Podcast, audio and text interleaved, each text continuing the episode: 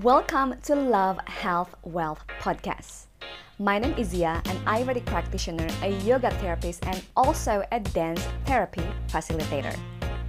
Every Tuesday and Friday, we're sharing with you valuable information and inspiring interview, offering you a more holistic approach to love, health, and wealth, so that you can have the body and life you love and love the body and life you have. With so much love and excitement, let me present to you today's episode. Halo, selamat datang di Love Health Wealth with me, Zia, the holistic source for you to have the body and life you love. Di episode ke-15 kali ini, aku bakal sharing tentang how you can become your best version of yourself with the right lifestyle.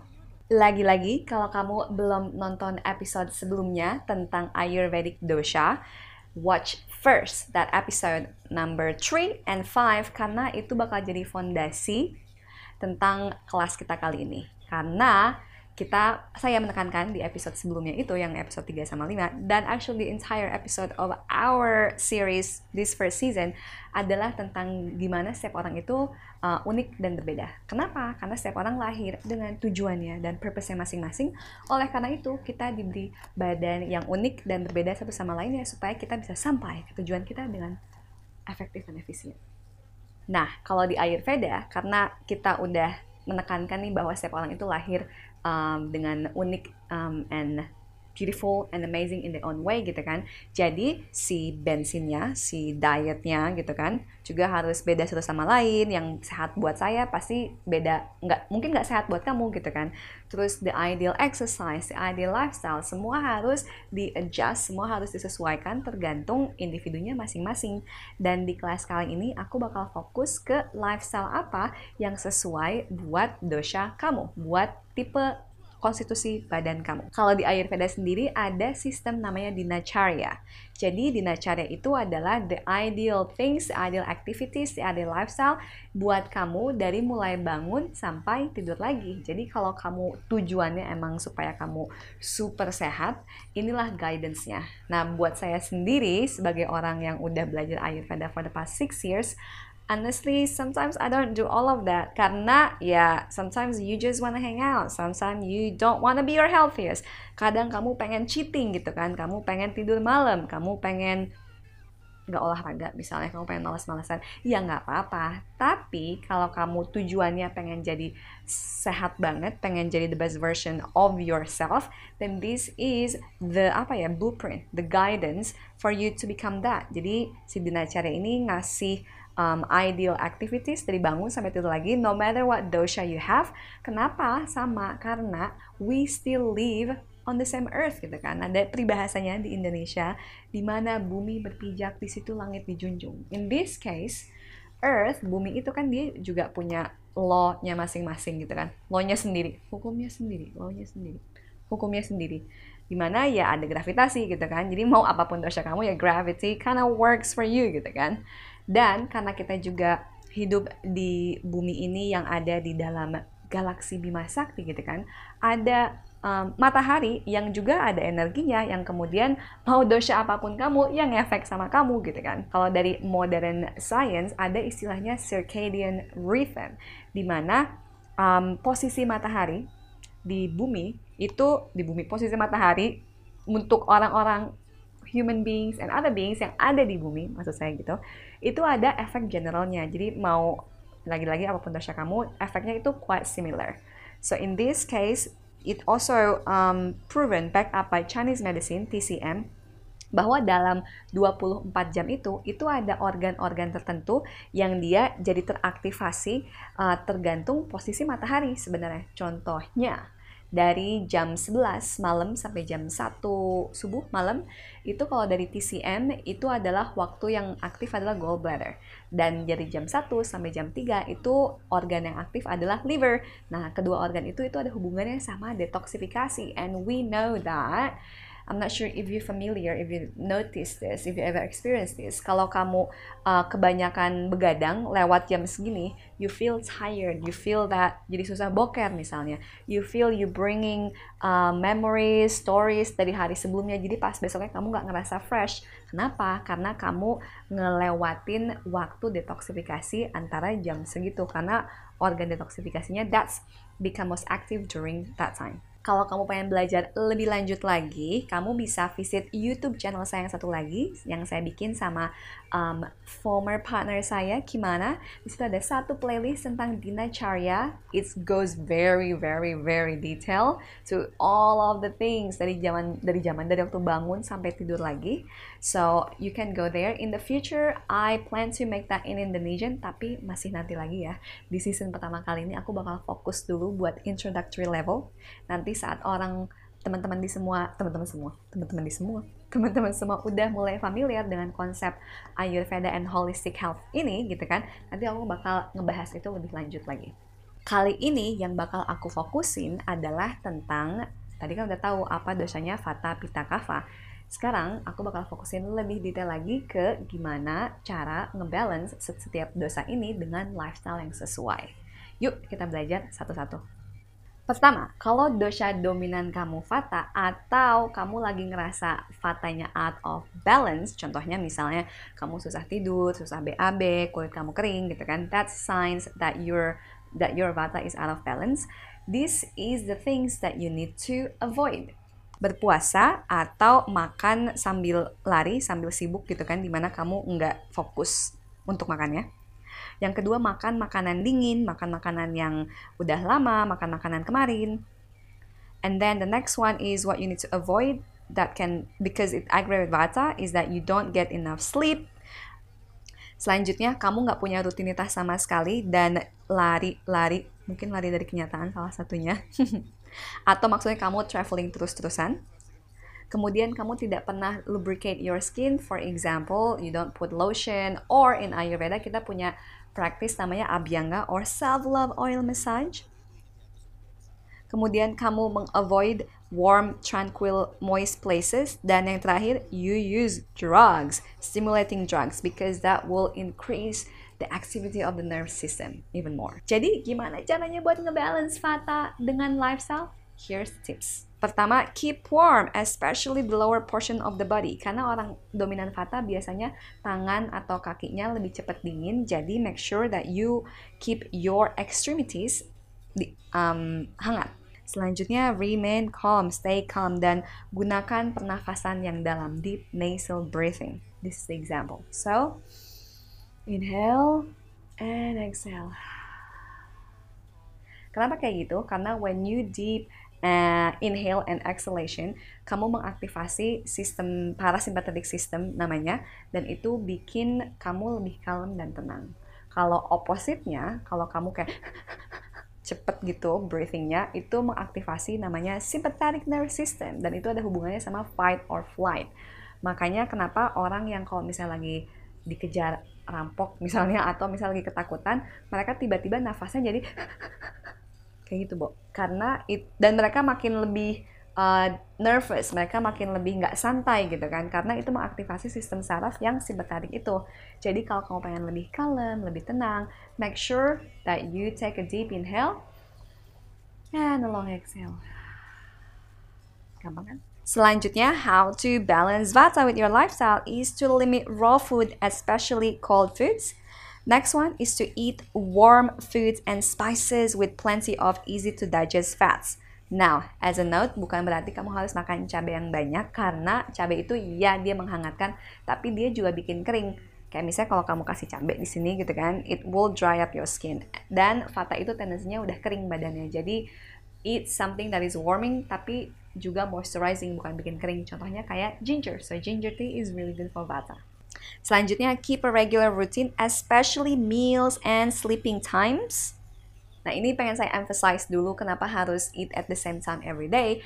Karena ini related banget sama survival instinct kita. Maksudnya adalah, when we're not sleeping and eating at the same time every day, badan kita tuh mikir bahwa kita tuh lagi perang gitu loh. Lagi kayak fight or flight. It activate that sympathetic nervous system. Jadi si survival instinct kita itu, what does it cover? Sleep, eat, and sex gitu kan. Jadi kalau kamu let's say cover the basic, the foundational part of the sleep for example, or the eat. Let's not talk about sex in this channel yet, gitu kan. Your body, your survival instinct can feel very stable, can feel very calm.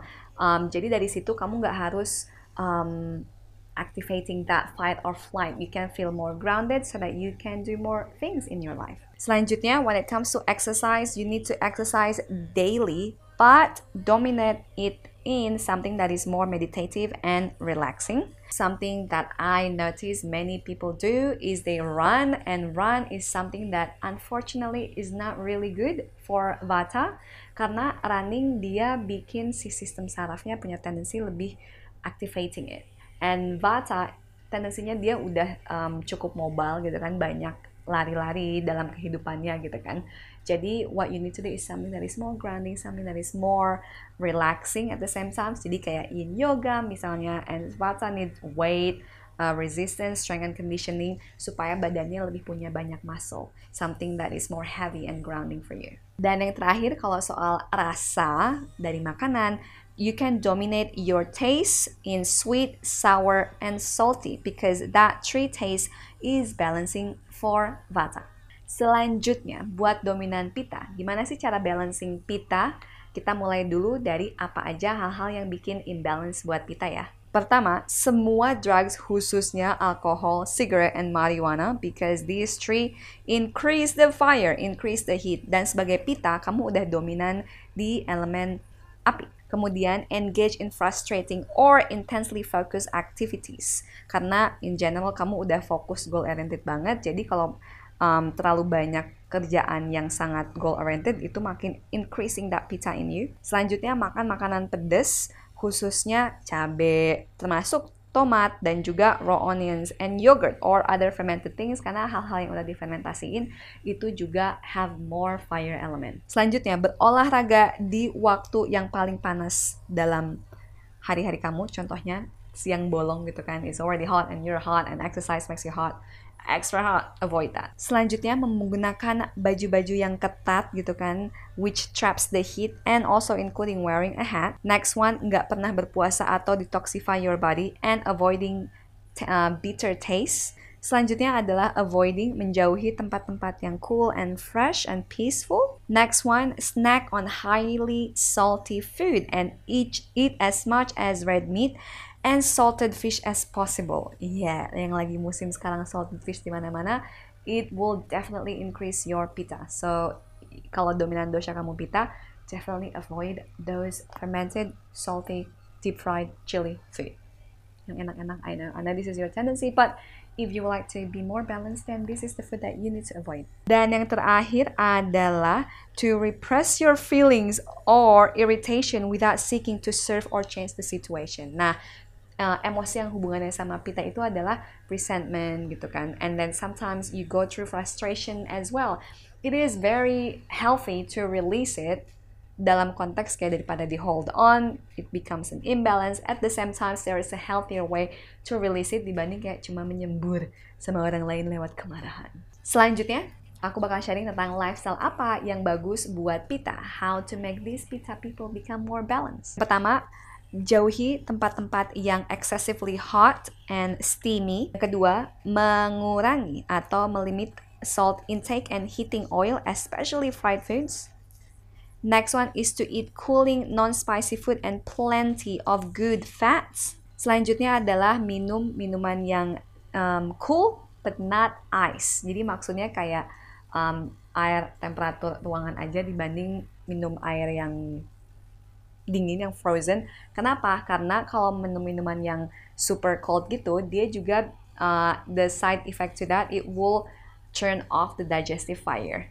Which means ini buat semua orang ya, termasuk buat pita pun gitu kan, yang walaupun dia panas. Karena nanti digestive systemnya akan lebih susah lagi dibangun untuk jadi panas dan siap mencerna kehidupan dan makanan. So, cool drinks but not ice drink. Selanjutnya kalau mau exercise lebih baik buat exercise during the cooler part of the day, misalnya pagi banget closer to sunrise or at the end of the day.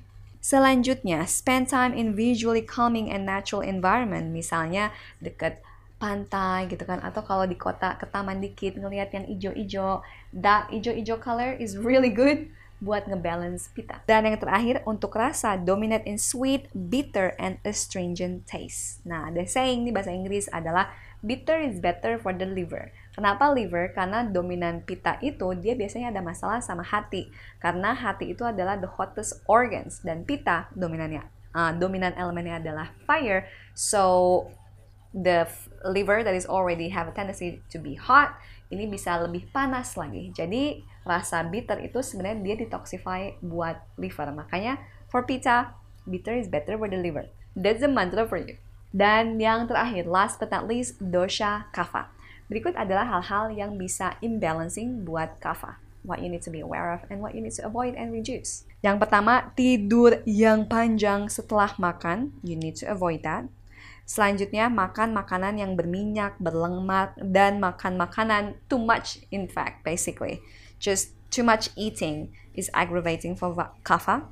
Next one is to deny your creative self and assume someone else will do it. Selanjutnya, luxuriate in inertia and become a couch potato. Jadi yang hobi makan sambil nonton TV atau Netflix gitu kan, that will definitely increase your kapha. Selanjutnya, mengavoid uh, tempat-tempat uh, yang hangat dan dingin. Next one, never exercise and live on potato chips and Netflix.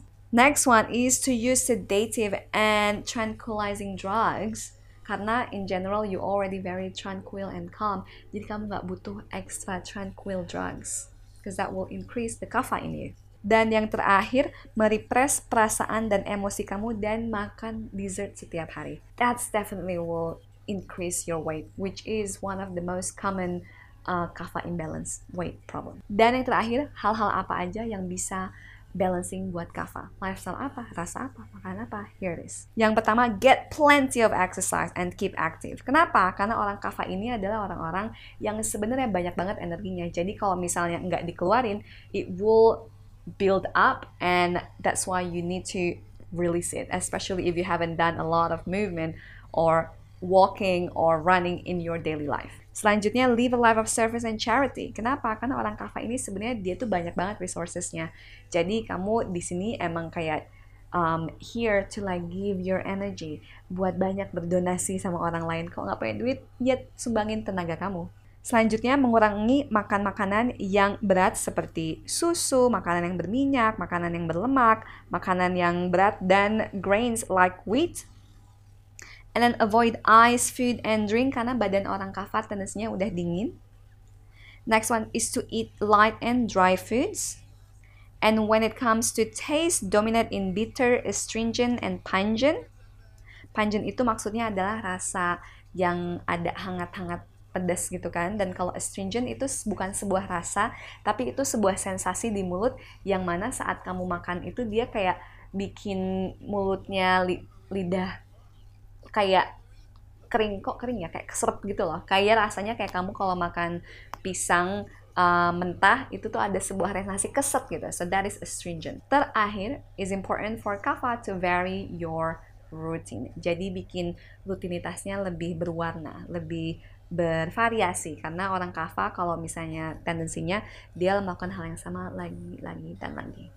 I know that tips seems a lot, jadi aku bakal kasih satu highlight tips buat setiap dosha. Yang pertama, kalau kamu buat, kalau kamu dominannya Vata, the main tips is to create stability in your life. Nah, karena orang Vata ini elemennya ether sama air, akasha sama udara, mereka bisa angin-anginan banget gitu kan.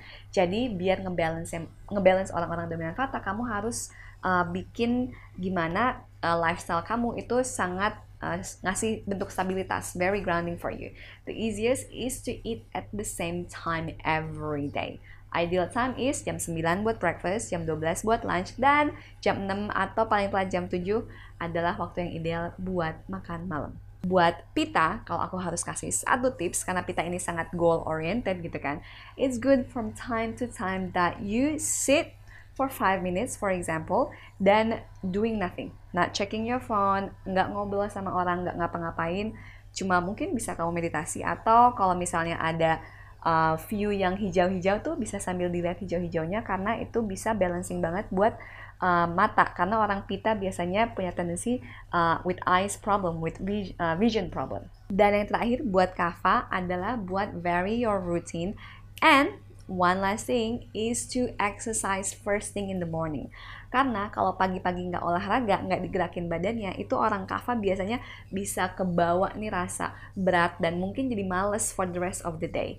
Jadi orang kava yang badannya tendensinya ngerasa berat dan sebenarnya kamu tuh berat karena banyak energinya gitu loh. So if you don't channel it, if you don't shake it up first thing in the morning, nanti kebawa tuh rasa berat dan rasa malesnya for the rest of the day. That's it. That's all the class for today. Kalau kamu belum tahu apa dosha kamu, jangan lupa buat download dulu dosha quiznya. Bisa visit website saya di ziakusumawati.com forward slash body dash type dash quiz atau bisa klik the link on the caption below. Dan jangan lupa buat nonton lagi video-video sebelumnya, khususnya di episode ketiga dan kelima, di mana kita belajar lebih lanjut tentang si dosha ketiga tadi, Fata, Pita, Kapha. So that's all for today. I hope you get benefit from it. Sekarang pertanyaan buat kamu, like usual, apa sih satu hal yang kamu pelajarin dari kelas ini? Share your learning on the comment section below. Dan saat kamu di bawah situ tuh make sure to like and subscribe so you will be the first to hear about our future online classes. Dan kalau kamu pengen belajar lebih lanjut tentang holistic health and beauty you can visit my instagram at Zia Kusumawardini atau bisa kunjungi website saya di ziakusumawardini.com sampai ketemu di kelas selanjutnya. Bye